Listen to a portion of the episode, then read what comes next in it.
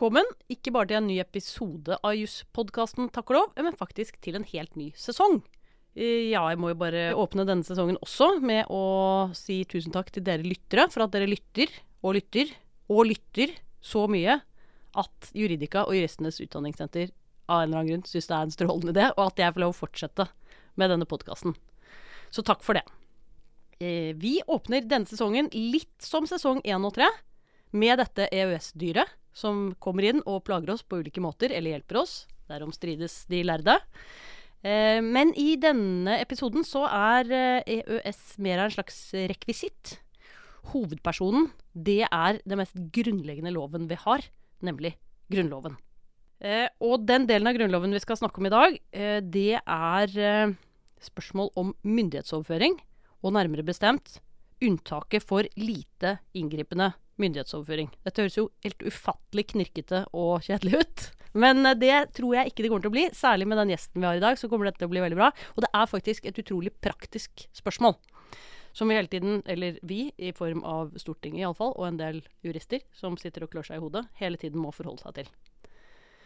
Utgangspunktet er jo at eh, vi kan ikke drive og overføre myndighet til andre land. Eh, Stortinget kan gjøre ganske mye rart med vanlig flertall. Eh, men så er det mulig å overføre noe myndighet med tre fjerdedels flertall, altså kvalifisert, hvis vi tilslutter oss, er tilsluttet en internasjonal organisasjon.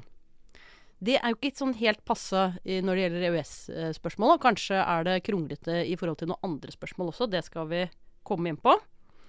Eh, men dette mindretallsvernet, det eh, er ikke så ofte at det blir aktualisert. Fordi noen, litt uvisst hvem, dette skal vi komme tilbake til, har utviklet en lære om lite inngripende myndighetsoverføring. Den læren fins. Den er ikke vedtatt i en grunnlov eller en lov på vanlig måte. Den fins. Hvem som har laget den, kommer vi tilbake til. Og hvem er bedre til å lose oss gjennom dette uh, ufattelig kompliserte temaet? En fyr som har såpass oversikt over Grunnloven at han kan alt fra før den begynte og frem til i dag. Nemlig professor Ola Mestad. Velkommen hit, Ola. Tusen takk. Utrolig hyggelig at du vil eh, være med oss. Eh, Du trenger antageligvis ikke så veldig mye presentasjon, men eh, bare for å ta det med. Du er professor på juridisk fakultet ved Universitetet i Oslo. Du er institutt ved Nordisk institutt for sjørett. Du var leder av forskningskomiteen for grunnlovsjubileet 1814-2014. Du har vært i leder av Etikkrådet for Statens pensjonsfond utland og Senter for europarett. Har jeg deg, gjort deg rettferdighet nå? Dette høres veldig bra ut. Ja, det er godt å høre. Vi prøver jo alltid å myke opp litt, selv i disse knirkete, veldig vanskelige temaene vi skal inn i dag, med å eh, ta med et eh, språktilpasset eh, artig faktum eh, om gjesten vår. Og det artige faktum eh, som eh, skal fremheves om Ola, det er ikke de av dere som har sett Ola, det er litt sånn litt streng, høy, mørk type. Eh, I gamle dager så husket jeg da var du jobbet som advokat nede på Aker Brygge og gikk i sånne fancy dresser. Det jeg ikke visste, som jeg syns var ganske morsomt å få oppgitt nå, det var at du har yrkesskoleeksamen i veving, prydsøm og småarbeid. Kan du utdype? Ja, dette var jo 70-tallet. Eh, og på 70-tallet var det jo andre verdier. Og da eh, tok jeg rett og slett Jeg var sivilarbeider i Bø i Telemark. Der møtte jeg masse husflidsfolk og dansa og forskjellig. Og så var det noen som da var lærer på eh, Blakstad yrkesskole filialklasse Valle i Setesdal. Eh, som jeg ble kjent med. Og så tenkte jeg det er jo en glimrende skole. Veving, eh, tenkte jeg da. Men det het også veving, prydsaum og småarbeid. Så gikk jeg der og var første gutten som noensinne hadde gått på den linja. Så jeg bodde på internat med 14 jenter. Det øh, hørtes jo egentlig ganske strategisk ut på mange måter. Kjempefint. På alle vis. Men har du fortsatt med dette, da? Du, ble du med i Vevær og leve-ungdommen, eller hvordan tok du dette videre? Jeg eier vevstol som jeg skal begynne å bruke igjen eh, en gang i 85-årsalderen når jeg går av. Og dette er fint, ikke sant? Der hvor de andre sparer golfen til pensjonsalderen, så er det prydsaum og veving på Ola. Det er nydelig. Eh, takk for det. Jeg eh, tenker vi går over til dagens tema.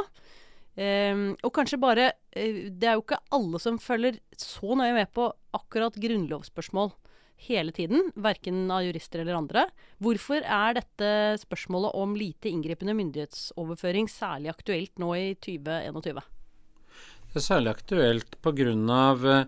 vårt forhold til EØS og utviklinga i EU. Som kjent er ikke Norge medlem av EU. Eh, samtidig så er vi jo tett knytta til det gjennom EØS-avtalen. Og det som skjer i EU, det er at eh, EU har problemer altså, med å overkomme så å si integrasjonen av medlemsstatene. Eh, hvordan skal treffe beslutninger, hvordan skal følge opp integrasjonen osv. Og Derfor utvikler de stadig nye måter å treffe beslutninger på, f.eks., og samordne på. Og disse nye måtene passer ikke inn i det hele tatt i den tankemåten vi hadde når vi inngikk EØS-avtalen. Nei. Og dermed må man bruke gamle grunnlovsbestemmelser til dels på nye måter. Og tenke inn i dem, så å si, åssen passer dette inn, da? Hva slags beslutningsregler skal vi ha? Som du var inne på, er det vanlig flertall, eller er det tre fjerdedels flertall, altså det som man kaller kvalifisert flertall, som må til for at Stortinget skal slutte seg til disse ulike pakkene med regelverk. Er det eh, de som vi hørte om i vår, det var noen saker i Høyesterett der. Eh, den jernbanepakken faller meg hu, og så er det en, noe sånn energibyrå? Mm, fjerde jernbanepakke, som det heter. Altså, En skjønner jo at uh, dette er skrittvis utvikling av EU-retten. da. Ja. Uh, og fjerde jernbanepakke, som består av flere rettslige instrumenter, som man gjerne kaller det, altså forordninger eller direktiver, Eh, og som bruker et sånt EU-rettslig jernbanetilsyn. Det er på en måte egne forvaltningsorgan som blir tillagt myndighet da, i EU. Og så hvis vi skal være med i dette jernbaneintegrasjonsarbeidet, så må vi også, eller så må alle, eh, godta visse vedtak fra dette jernbanetilsynet f.eks. Og da det kan da ses som en myndighetsoverføring. ikke sant? For ellers vil det være norske jernbanemyndigheter selvfølgelig som skal gjøre de vedtakene. Men nå sitter det noen nede i Brussel og sier 'jeg penser, altså er jeg', og så bestemmer de hvor Vy og SJ og de andre skal gå hen?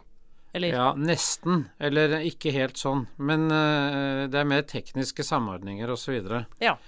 Uh, det gjelder. Og da kommer det opp spørsmål Nettopp. Eh, kan Norge slutte seg til dette når vi ikke er EU-medlem? Det er det egentlige poenget. Ja, ikke sant. For det, den regelen vi hadde i 115, den forutsatte at vi hvis vi skulle overføre myndighet med kvalifisert flertall, så måtte det være til noen vi var tilsluttet. Ja, og det er altså paragraf 115 i Grunnlova, som er, handler da om myndighetsoverføring, den Et hovedformål med den, da den ble vedtatt i 1962, det var at den skulle være grunnlaget for å slutte seg til det som seinere har blitt EU. Den, da tenkte en seg at det var en såpass massiv myndighetsoverføring at da måtte en ha en egen bestemmelse i Grunnlova. Så de bare bærer om meg. Da sitter noen og tenker hei sann, dette EU-greiene, det nærmer seg Eller EF var det vel da. Det begynner å nærme seg kanskje med stormskritt. Eh, fort vekk så kommer vi til å havne oppi der, vi òg. Vi må forberede oss med å ha en grunnlovsbestemmelse som regulerer hvordan vi skal gjøre det. Er det sånn man tenker? Ja, det, man tenker sånn eh, Eller noen tenkte sånn, og det de da tenkte bak i EF en gang, men det var det som het kull- og stålfellesskapet. Ja. Hvis vi virkelig skal gå tilbake i EUs forhistorie, så er jo poenget at hvis vi kan svinebinde Frankrike og Tyskland til hverandre, for så vidt gjelder kull og stål, så vil de ikke gå til, kunne gå til krig med hverandre. Fordi at det er kull og stål du trenger når du skal gå til krig. Dette Vi må huske på, vi må ha med den nå er du er jo veldig opptatt av Andre verdenskrig må vi ha med. Ja, og du er jo veldig god på historie, men det, vi må minne oss selv, vi, også vi som ikke er så gode på historie, vi må minne oss selv om, om utgangspunktet her. For det var jo ikke sånn Hei hurra, vi skal skape et kapitalistisk supermarked. Nei, det var hei hei, vi skal passe på at det ikke blir mer krig. Nettopp, men ved hjelp av markedsintegrasjon. Ja. Det var det slue. Og det var ulike motiver selvfølgelig bak EU, men, men det var åpenbart en viktig fredstanke ja. bak det som ble EU. Men i hvert fall så satt den i Norge og i Norden, eller i alle slags land egentlig, bortsett fra de som allerede var med i samarbeidet, satt og tenkte på hvis vi skal slutte oss til dette, kan vi gjøre det med våre gamledagse grunnlover som typisk var bygd på at nasjonal suverenitet var viktig. Gjennom 1800-tallet så hadde nasjonalstatene vokst fram som veldig sterke organismer. Og mange av nasjonalstatene i Europa de var jo nettopp brutt ut fra imperier, ikke sant. Eh, og, og, og, med en viss nasjonalisme som prega det hele, statsbygging, eh, så hadde en ikke grunnlover som akkurat sa så mye om hvordan kan vi binde oss sammen igjen. Nei, det var i grunnen det stikk motsatte nesten som var poenget, å passe på at vi ikke drev og delte oss mer opp. Det hadde vært mye av poenget. Ja. Uh, og norske grunnlover, da, som var fra uh, 1814, den eh, Da sa den at kongen inngår avtaler. Eller altså den sa at kongen inngår forbund, egentlig, men det betyr bare avtaler med andre land. Ja. Eh, og så så han jo veldig raskt at eh, de avtalene som kongen, som da var den felles svensk-norske kongen, inngikk med andre land, av og til på vegne av Sverige og av Norge, av og til bare på vegne av Sverige, av og til bare på vegne av Norge. Så det var en praksis allerede fra 1800-tallet om sånne avtaler.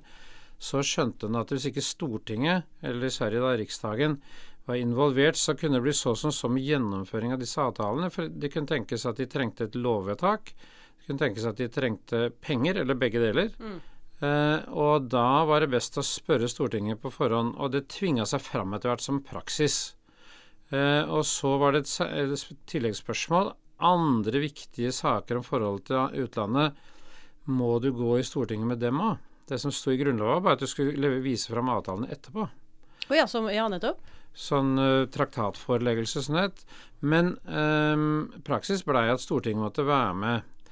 Dette blei formalisert av eh, 1926, tror jeg, på 20-tallet- 1920-tallet iallfall. Men det hadde vart mye lenger. Og da fikk vi Grunnlov paragraf eh, 26 andre ledd om nettopp dette med at det må legge eh, at avtaler, visse avtaler krever samtykke i Stortinget. De er, hvis de er, krever lover, lovgivning, krever eh, løyvinger eller krever eller er særlig viktige. Og, men i den bestemmelsen så står det ikke noe om myndighetsoverføring. Det står ikke noe i det. Står bare om eh, viktige traktater. Eh, og det var fordi at en typisk så var traktatene bare sånn Dere gjør det, og vi gjør det, liksom. Ikke noe sånn at eh, dere bestemmer over oss. Nei. Eh, eller delvis over oss, eller at internasjonale organisasjoner skal bestemme over oss. Fordi eh, de store internasjonale viktige organisasjonene vokser jo fram sant, med Folkeforbundet etter, verden, nei, etter første verdenskrig, og så etter andre verdenskrig Nato, FN osv. Og så det gryende EU. da, Det er da du får opp det spørsmålet at disse traktatene kan gå ut på at den andre, eller organisasjonen som sådan, ikke den andre staten nødvendigvis, skal bestemme noe som skal ha virkning også her hos oss, uten at vi gjør noe mer enn å samtykke til den kompetansetildelinga som lå i dette.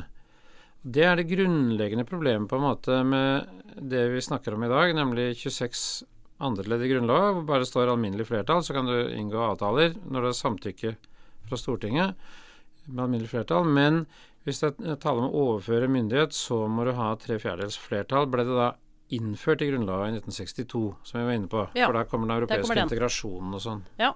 Og da er, det, eh, da er det primært dette man ser for seg, ikke EF som jeg da eh, hadde foregrepet, men eh, stu, eh, stål- og kullunionen, Ja. eller eh, fellesskapet. Men alle skjønner at det kan bli et europeisk fellesskap. Ja.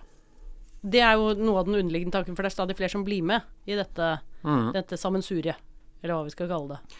Ja, Romatraktaten var jo allerede også vedtatt. eh, Samtidig så dreiv Det var den, denne tida så holdt de på, hvis det skal være detaljert, EF på ene sida og EFTA på andre sida. EFTA var England og de mer sånn markedsintegrerende typene som ikke ville ha noe overnasjonal myndighet. Ja. Mens EU nettopp var konstruert med overnasjonal myndighet allerede i kull- og stålunionen. Fra takk og lov til rett på sak. Vi fikk nemlig en liten tilbakemelding fra en ivrig lytter, eh, veldig hyggelig på Facebook. En eh, medisiner fra Universitetet i Tromsø. Som uh, syns at det var veldig bra med takk og lov, men han syns at det ble litt langt med Statler og Waldorf eh, innimellom i jussørene. Så nå har jeg tatt på meg rollen som Miss Piggy. yeah. Og fått med meg Statler og Waldorf. Eller uh, Sturla og Torbjørn, som det heter når vi ikke er i Muppet Show. Uh, og vi skal nå få høre litt, grann, for nå har jo Ola forklart oss eh, mye om eh, egentlig helt grunnleggende ting som har med Grunnloven å gjøre, men egentlig også mye EØS-rett, EU-rett, utviklingen i EU.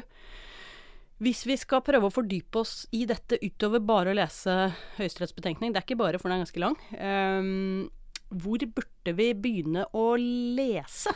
På, på universitetsflagget så har vi jo akkurat utgitt en bok som heter 'Grunnloven historisk kommentarutgave 1814 til 2020'. Det er den som du kan ha istedenfor sånne manualer når du skal trene bicepsen. Det er helt riktig, og så løfter du den med en hånd, så kan fort eh, håndleddet ryke, for den veier faktisk over tre kilo på papir. Det Det er veldig tung kunnskap. Det er veldig tung kunnskap, og da er det deilig å vite at den er eh, digitalt tilgjengelig på Juridika, så du slipper å løfte hvis eh, du har utfordringer med det. Den har ikke tatt fullt så lang tid å skrive som selve Grunnloven, men det er ikke så langt unna. Dette, dette er en produksjon det har vært jobbet med en stund. Det tar sin tid å skrive tre kilo med innhold, så ja, det har tatt noen år å få den i mål, men det har jo blitt et uh, veldig, veldig dybdefullt uh, verk. Det må jeg jo si.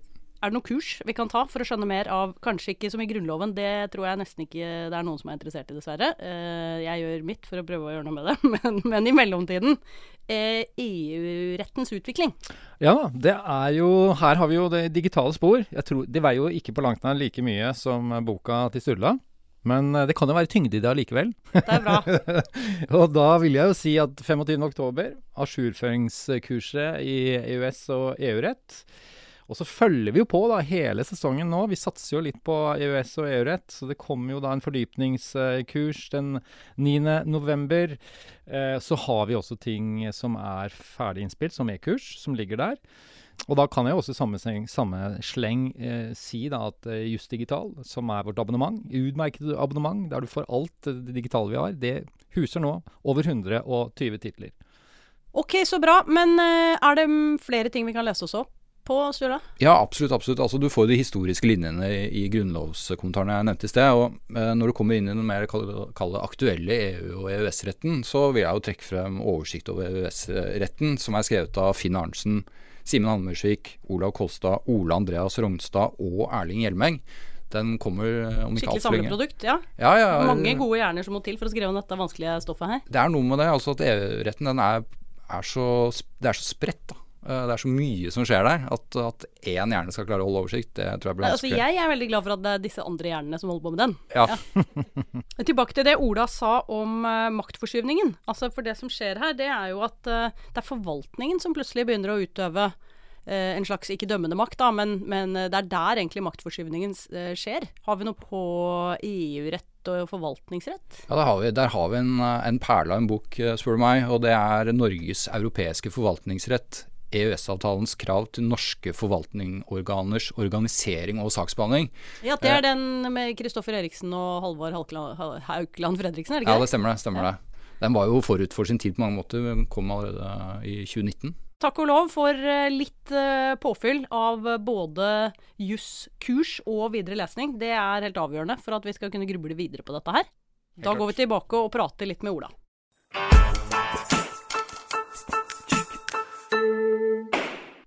Og så eh, veien videre frem til 115, at den får den utformingen og hvordan Nei, det, da heter den ikke 115, da heter den 93. Den heter 93, men det er samme bestemmelsen. Ja. Men veien frem dit, den eh, vedtas i 62, og så blir det jo ikke noe EU-EF-medlemskap på oss, for det stemmer vi oss så vidt ut av. Ja, det er veldig innvikla, egentlig. Vi lurer stadig på å bli det, fire ganger. Men eh, eh, noen, eh, vi vil følge England. Ja. Det er vår linje. Har, det, det har vært en god linje før, vi følger den videre. Det- Vi bare fortsetter nå. Ja. Nå er det nyeste gøye England driver med, som kjent. Er jo brexit. Det skal vi også gjøre, skal vi ikke det straks? Men, men uh, poenget var at så lenge Frankrike blokkerte England for EU-medlemskap, så lot vi være òg. Ja. Men vi hadde forberedt Grunnlova til at vi kunne bli med. Ja. Altså at vi kunne gjøre det vedtaket. Men så gjør vi ikke det. Så gjør vi ikke det. Vi ender så, med å inngå EØS-avtalen isteden. Ja, så blir ikke noe bruk for før da, i og for seg. Altså eh, blir ikke noe bruk for den gamle, det som het 93 den gangen. Men det blir ganske mye diskutert da, til å begynne med på 60-tallet og sånn. Ja. hva dette vil kunne bety. For hver gang en forbereder EU, søknad om EU-medlemskap, så tenker en på ok, har vi hjemmel, har vi ikke hjemmel. Eh, og som kjent så, så inngår vi EØS-avtalen. Da bruker vi bestemmelsen bare på, ikke pga. hovedpoenget i EØS-avtalen, egentlig, men pga. visse eh, særspørsmål som opplagt var overføring av myndighet. Og så eh, er det jo da spørsmål om eh, EU-medlemskap i 94, og da ja, Først hadde folkeavstemning i 72 hvor eh, folk sa nei, og dermed så trekte vi søknaden. Så i 94 skjer det samme om igjen, egentlig. Mm. At det er folkeavstemning, så trekker søknaden. Da sitter vi der med EØS. Ehm, og uten at vi skal gå så langt inn i EØS-historikken, så er det jo sånn at ehm, EØS den gangen var ganske balansert med EU, for det var omtrent like mange i EØS som det var i EU, men så hopper jo nesten alle av. eh, etter hvert. Blir medlem i EU isteden. Ja, Og da blir jo Norge en stormakt i EØS. det er jo fint. Vi er verdens fremste EØS-land, faktisk. Eh. Sammen med Island og Liechtenstein, da. Ja. Men eh, EØS-avtalen går jo i realiteten ut på eh, at vi er med på Bortsett fra landbrukspolitikk eh, og delvis fiskeripolitikk og sånn, så er jo vi med i markedsintegrasjonen i EU. Og den går jo videre og videre. Ja. Og det er eh, i de sammenhengene at det stadig kommer opp nye vedtak fra EU-sida som da skal inn i EØS-delen. Og det er de som reiser disse særlige myndighetsoverføringsspørsmåla. Ja, og da, da begynner vi å for, mm, Bare så jeg følger dette her, for da skjønner vi at det, det oppstår noen problemer. Også at vi har en grunnlov som egentlig ikke er sånn veldig godt tilpasset akkurat måten dette har utviklet seg på. Det er jo noen år mellom her. Vi har jo hatt tid til å endre den grunnlovsbestemmelsen sånn at den passer bedre. Ja, det har vi hatt, og det har også vært foreslått bl.a. av Europautredningen, som var leda av Fredrik Sejersted i sin. Og flere og mange andre også har sagt at eh, en burde ha en grunnlovsbestemmelse som er bedre tilpassa den måten rettslig integrasjon skjer i vår tid. Ja. En kunne f.eks. skille mellom ulike typer myndighet. Altså Sånn som vi har nå, så er det bare myndighetsoverføring. Hva er det? Jo, det er de klassiske myndighetsartene selvfølgelig er jo lovgivning, eh, forvaltning og dømmende myndighet. Så kunne du tenke deg at lovgivning, det er det tyngste, liksom. Eh, Det måtte du ha særlige regler om. Så veldig mye av dette eh, EØS-tinga, de gjelder jo små forvaltningsrettslige spørsmål, vil jeg si. Ja. Eller stort sett gjelder de det. Og den formelle suvereniteten når det gjelder lovgivning, den beholder vi fordi Stortinget eh, istedenfor å bare strø sand på ting som kommer fra departementene, sånn som de alltid har gjort, så strør de nå sand på ting som kommer fra EU, men da er det formelt Stortinget som vedtar det. Absolutt. Ja.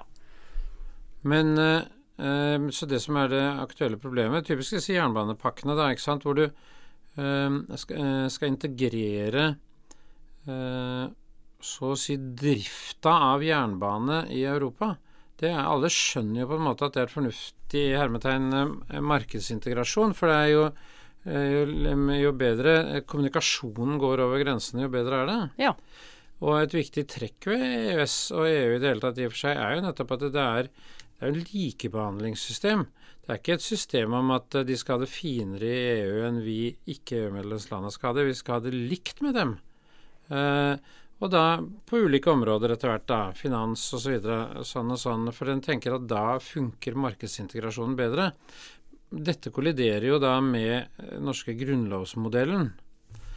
Men derfor så, derfor, men i samband med det så har eh, diskusjonen kommet opp Kan en bruke eh, paragraf 26, samtykkeregelen i Grunnlova, eh, sånn at eh, Sånn at den rett og slett sier det er bare alminnelig flertall for å slutte seg til også disse mindre myndighetsoverføringene som det da gjelder. Og der er, Det er det en bruker stikkordet som du var inne på, lite inngripende. Er det tale om en lite inngripende myndighetsoverføring, så kan Stortinget samtykke med 50 eh, eller altså vanlig flertall, sjøl om det er en myndighetsoverføring. Og sjøl om det står i paragraf 115, eller ser ut som det står iallfall, at det er den som skal gjelde for myndighetsoverføring. Hvis vi bare tar en ørliten eh, sånn eh, sidesteg der. For det, grunnlovsregler de blir til etter en spesiell prosedyre som skal sikre at de blir ordentlig behandlet, og det er et mellomliggende valg, og det er kvalifisert flertall. Så det er fullt mulig å endre Grunnloven, så vi kan oppdatere den og gjøre sånn at den passer bedre til hverdagen i dag. Vi kan Eh, det. Og så uh, Vi har gjort det på noen punkter i Grunnloven opp gjennom historien. Men uh, mange ting det er sånn hvor Grunnloven bare blir stående formelt sånn som den har vært, men praksis i staten utvikler seg i andre retninger. Om det er parlamentarisme eller måten mistillitsforslag fremmes på eller andre ting. Det blir sånne lærer som oppstår, som egentlig ikke er vedtatt som en regel, men som fungerer normerende som en regel likevel. Er det noe sånt vi er inne i her? Det er sånn, noe sånt vi er inne i. Eh, det er jo ellers, altså Grunnlova blir endra veldig mye den, men, eh, i og for seg, men vanligvis ikke på noen viktige punkter, men på sånne tekniske punkter. Mens disse store spørsmåla hvor Grunnlova har korte, vage formuleringer, der endrer du ikke, for det, endre, det endrer nesten karakteren av bestemmelsen i så fall, hvis du skulle gi sånne teknisk eh, presise bestemmelser. Og, men dermed så blir det et behov for tolking. Ikke sant? Eller utvikling av lærer, som, som du sier. Og sånne lærer, det er liksom Hva er det? Jo, det er eh, noen finner på en måte å håndtere noe på. Og så kommer det inn i et, et eh, dokument fra regjeringa, typisk, for, som forklarer sånn og sånn. Her kan det være lurt sånn og sånn, og gjøre sånn og sånn, og det er det adgang til. Og så, ja, så blir det, så vedtar Stortinget det, for det er kanskje ikke noe kontroversielt i det hele tatt. Eller kanskje de ikke skjønte det helt? Eller kanskje de ikke tenkte nei, mye på det, eller? Nei, det tror jeg det var litt ondt, egentlig. Var det ondt? Ja, Det var jo bare et spørsmål. Jeg har lært studentene mine at man alltid kan stille spørsmål. det er riktig. Eh, men man må jo få svar òg. Ja, jeg er ond. Så, eh, og da Det er nok riktig at veldig mange grunnlovsspørsmål så er det ikke så mange i Stortinget som tenker så presist gjennom det. Mm. Men det er nesten alltid noen Det er en opptatthet, og historisk er det en veldig stor opptatthet av dette. Men i hvert fall så skjer det en utvikling som kanskje ikke er spesielt dramatisk, iallfall. Og så blir det plukka opp i lærebøkene. Eh, I juss så skriver en professor eller to skriver sånn og sånn, og dette må vi forstå nå. Prøver ofte å systematisere det, trekker kanskje på hvordan det er gjort i andre land. Mm. Så blir det en tankemodell, og så går den inn i en typisk nye offentlige dokumenter, og så siterer Stortinget i sine komitéinnstillinger, typisk igjen fra disse proposisjonene. Og så blir det en sånn allmenn, omtrent konsensus, i hvert fall på ordnivå, eller formuleringsnivå. For dette er, jeg, uh, uh, dette er jo Dette har jo den oppsiden at man uh, blir mer tilpasningsdyktig. Ikke så rigid. Vi trenger ikke å bli helt bastet og bundet av formelle ting som ikke passer sånn veldig godt. Så det er en sånn pragmatisk tilnærming til en virkelighet som ikke alltid stemmer så godt med det kartet vi hadde tegnet opp for lenge siden. Samtidig så er det jo ikke så lett for studentene, typisk, og som da har blitt opplært i hvorfor i all verden skal vi legge så stor vekt på loven? Jo, det er fordi den har demokratisk eh, forankring, og det er gjort i de formene vi alle har blitt enige om, bla, bla. Og så er det sånn, Men disse lærerne, som egentlig ofte regulerer utrolig mye viktige spørsmål, de oppstår på den måten du sier her, gjennom en slags sånn organisk tilblivelsesprosess. Det gjør de, og det en da formelt kaller det, vil jo typisk være statspraksis, ikke Mm. sant. Dette er sånn en gjør, og, og gammeldags rettskildelære, som det heter, eh, hvor en i en periode han tenkte at vi har bare to rettskilder, og det er lov og praksis. Så er jo dette praksis, altså. Alle veit at eh, praksis kan være en kilde. Ja. Så, og i statsretten er det ofte det. Typisk fordi det er så tungvint bl.a. å endre grunnlover som det går an. Annet er det jo den forsinkelsesregelen som gjør at eh, du må legge fram forslag til grunnlovsendring i et storting, og så må du vente til etter valg med å votere. Det gir jo alltid Ideen med det er at det skal, folk skal få tenkt seg om, og velgerne skal vi får være med å si, bestemme. ja, si hva de mener. Men realiteten er jo at da tar det innmari lang tid. Og så er det vel også sånn, nå tittet jeg så vidt på partiprogrammene før jeg kom hit, det er jo ikke de grunnlovsforslagene, endringsforslagene som ligger inne nå, det er jo ikke de som er, står først i partiprogrammene om hva partiene tenker å gjøre etter valget. Nei, men på 1800-tallet var det innimellom sånn. Ja. Så der har vi Også der Der har vi noe å lære av historien. Eller der har vi falma. Ja, der har vi falmet. Det er veldig bra. Men, eh, men så eh, praksis Og, og det, det som skjedde med dette jernbanepakkespørsmålet, det var jo da at eh, Stortinget foreslo da Nei, unnskyld, regjeringa foreslo da for Stortinget at det, eh, nå vedtar vi tilslutning til fjerde jernbanepakke eh, med alminnelig flertall eh, etter paragraf 26-regelen. Og så eh, sier eh, Så vedtar Stortinget For det blir en diskusjon. Går an det, ja? Hvordan er, er dette lite inngripende, eller hvor langt strekker den læren seg, eller hva er det egentlig de lurer på?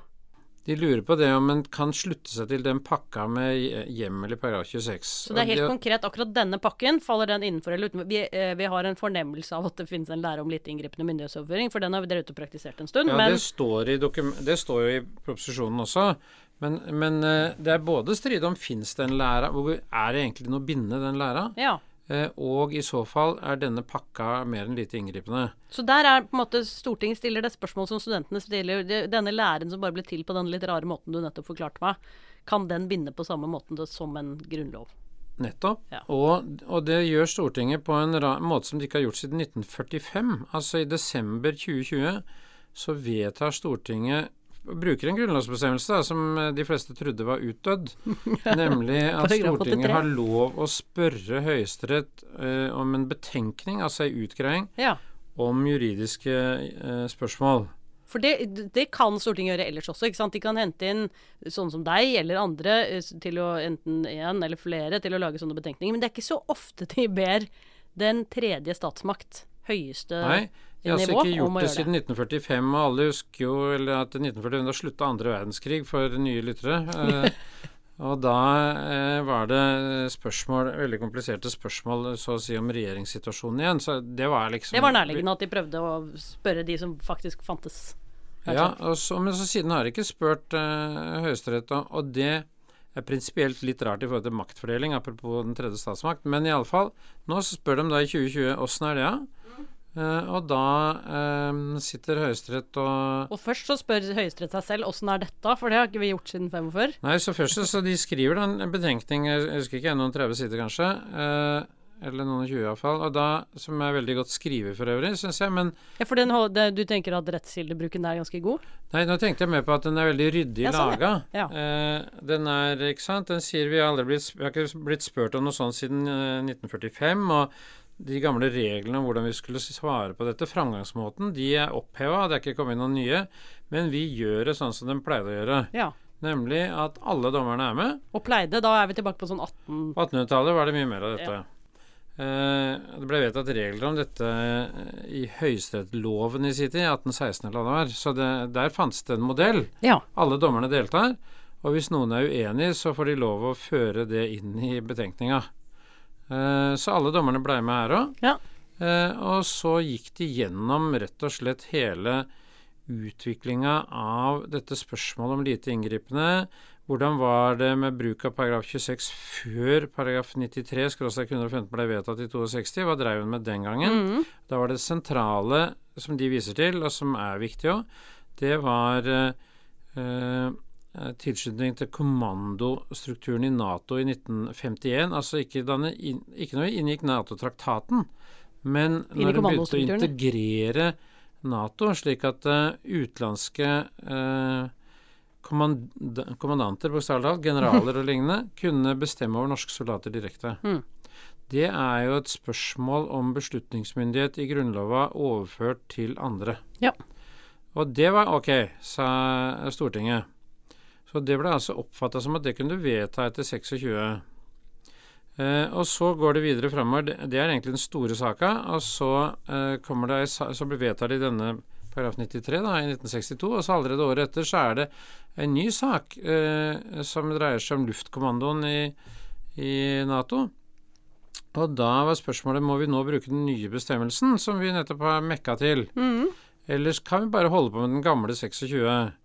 Og det, det, det tar Stortinget opp, og både Justisdepartementet og Forsvarsdepartementet uttaler seg, for det er et innvikla spørsmål, egentlig. For det endra den nye bestemmelsen grunnlovstenkinga, ikke sant. For nå har vi en bestemmelse om myndighetsoverføring. Nei, den endrer ikke noe, sier Stortinget. Vi kan bruke gamle 26. Så dermed hadde de med full kjennskap til debatten Ja. eh, om 93, og faktisk de samme folka stort sett som var med i debatten om 93, som også deltar da i å si noe om hvordan 26 fortsatt skal fungere, de sier nei, sånn tilslutning, kommandotilslutning, det kan vi gjøre på, på den gamle måten. Og det er opphavet til eh, læra om lite inngripende. Eh, at eh, dette fortsatte så å si forbi vedtakelsen Mm. av paragraf 93. Men det var ikke så ofte i bruk, ikke sant, dette her, og vi gikk jo aldri inn i EU som vi snakka om i stad. Eh, men eh, etter hvert så eh, Det ble helt Altså rett og slett satt på spissen på en helt annen måte ei stund etter at vi hadde slutta oss til EØS, fordi da begynte disse instrumentene å komme. Ok, så vi har denne betenkningen som sier dette. Så nå er spørsmålet oppe og avgjort, da. Vi trenger ikke å gruble mer på dette nå. Nå har Høyesterett sagt dette i plenum, at den fins. Høyesterett har sagt det i plenum, og Høyesterett har sagt at Stortinget alltid har vært med på denne læra. Det er noen få protester som har vært typisk fra Senterpartiet eller eh, SV, eh, en gang fra Fremskrittspartiet vel òg. Eh, det som en kan se i de debattene, er at det er ikke sikkert de er så opptatt av grunnlovsspørsmålet, men de er særlig imot den saka det faktisk gjelder. Ja. Og det eh, onde lesere kan si at det er litt taktisk argumentasjon for så se om du kan bruke grunnlovsspørsmål også for å blokkere tiltakene, uansett mener er dumme. Nettopp. Så det er egentlig mer på saken enn på det prinsipielle grunnlaget for å avgjøre saken. Ja, Fordi- men det går an å diskutere det prinsipielle grunnlaget også, absolutt. Ja, ja. Men, det, men nå har Høyesterett sagt læra fins, lite Ja. inngripende. Og så sier de men hvilke, hva er kriteriene for å avgjøre om noe er lite inngripende? Jaggu ikke godt å si, Høyesterett. Eller de sier nesten det. Det er litt vage kriterier. Ja. Men de ser på hva slags type eh, myndighet er det som blir avstått, hvor omfattende er det, hvor mye inngripende er det framover osv. Helt fornuftig skjønnsmessig vurdering i og for seg, men som jo ville kanskje vært heldigere om en hadde noen formulerte kriterier i Grunnlova isteden. Og det var egentlig det jeg tenkte vi skulle avrunde med. Nemlig er dette en, eh, dette en god situasjon eh, vi har nå, etter den avklaringen eh, Høyesterett har kommet med, eller burde vi endre Grunnloven så dette er tydeligere for alle, herunder Senterpartiet? Altså, jeg har gått inn for at en burde endre Grunnlova, egentlig. En burde tenke gjennom åssen skjer rettslig integrasjon i vår tid, og så prøve å utforme en litt sånn utbygd type regel om eh, europeisk integrasjon, som jo åpenbart vil være kjerna i det, men eh, i prinsippet også andre typer, hvor du kan gå litt inn på ulike typer myndighetsarter og sånn, f.eks. Det tror jeg ville vært heldig, fordi det du får nå, er en litt sånn formell diskusjon er forvaltningsmyndighet. Myndighet, det er det selvfølgelig. Eh, Men når en tenkte på myndighetsoverføring, så tenker en særlig på. Nei, på lovgivningsmyndighet, ikke sant. Men så får du det ordet fanger. Myndighet er myndighet, og fader var det overført nå. Mm. Eh, kommandomyndighet osv. Jeg tror at det hadde vært heldig å rydde litt i det, for det ville blitt litt mindre krangel. Og du ville også fått en, kanskje fått en diskusjon ordentlig om eh, åssen skal vi egentlig integrere oss. eh, og Det det, kunne være heldig i seg sjøl. Der tror jeg jo egentlig du er ved kjernen, for jeg tenker jo at det er en god juridisk løsning du skisserer. Eh, så er det jo alltid et spørsmål om hvilket politisk landskap som skal eventuelt eh, få satt den i verk. Og der er vi kanskje i sakens kjerne, nemlig at vi er ikke så keen på å diskutere akkurat det spørsmålet, for det skaper ufattelig mye politisk brudulje. Og sånn er det ofte egentlig med spørsmål som juristene ønsker å få avklart. For livet foregår, og politikken foregår. De kan ikke bare sitte og vente på at juristene skal komme med et forslag som så politikerne kan stille seg bak. Så trist er det, liksom. Ja, nei, vi får prøve å slutte på en litt uh, lystigere tone enn dette. Er det sånn uh, at du har en eller annen historie som du har lyst til å dele med lytterne, som kan gjøre at vi avslutter på en uh, mer humoristisk tone, eller en annen tone enn den, litt nedslående, at ikke alle bare hører på juristenes gode råd hele tiden? Altså, jeg vil si det En liten historie var Vi var i høring i Stortinget en gang om uh, egentlig om grunnlovsendringene i reformen i 2014. Da er det komitéhøring, ikke sant, og da sitter du og forklarer, og du har noen få minutter på å forklare, og så blir det litt debatt, og stortingsrepresentantene spør osv. Men da i komiteen så satt jo også nåværende kulturminister, men den gang eh, stortingsrepresentant Abid Raja, som er en ivrig mann. Så høringa var over, da, og eh, jeg gikk ned trappa. Og der kommer løpende etter meg representanten Aya eh, Raja? Abid Raja. Og han ikke bare liksom så han har noe mer spørsmål, men hele trappa ned ut i Akersgata. Så bare holder han på å holde på. Og dette viser at det er ikke sånn at stortingsrepresentantene ikke er interessert i grunnlovsspørsmål. Og det var en veldig fin avslutning, Ola. Tusen takk for den. Det kan jo hende det hjelper at, eh, på, på historien at Abid Raja er jurist, men jeg velger å tro at det finnes veldig mange stortingsrepresentanter som er ganske opptatt av disse spørsmålene. Det er også min erfaring i den grad jeg har vært noe inngrep med dem. Da må vi runde av, rett og slett. Jeg må bare si tusen takk for at du kom. Det er, vi kunne pratet i en evighet. Det er ufattelig mye gøy å ta tak i. Vi får heller bare håpe at vi kan invitere deg tilbake i en eh, annen anledning, og kanskje om eh, andre spørsmål også. Det er jo mange paragrafer i Grunnloven vi kan ta opp. Her har vi hele livet foran oss. Dette gleder jeg meg til. Tusen takk, Ola, og tusen takk også til eh, dere lyttere. Dere er hjertelig velkommen tilbake i neste uke, for takk og lov, det blir flere episoder.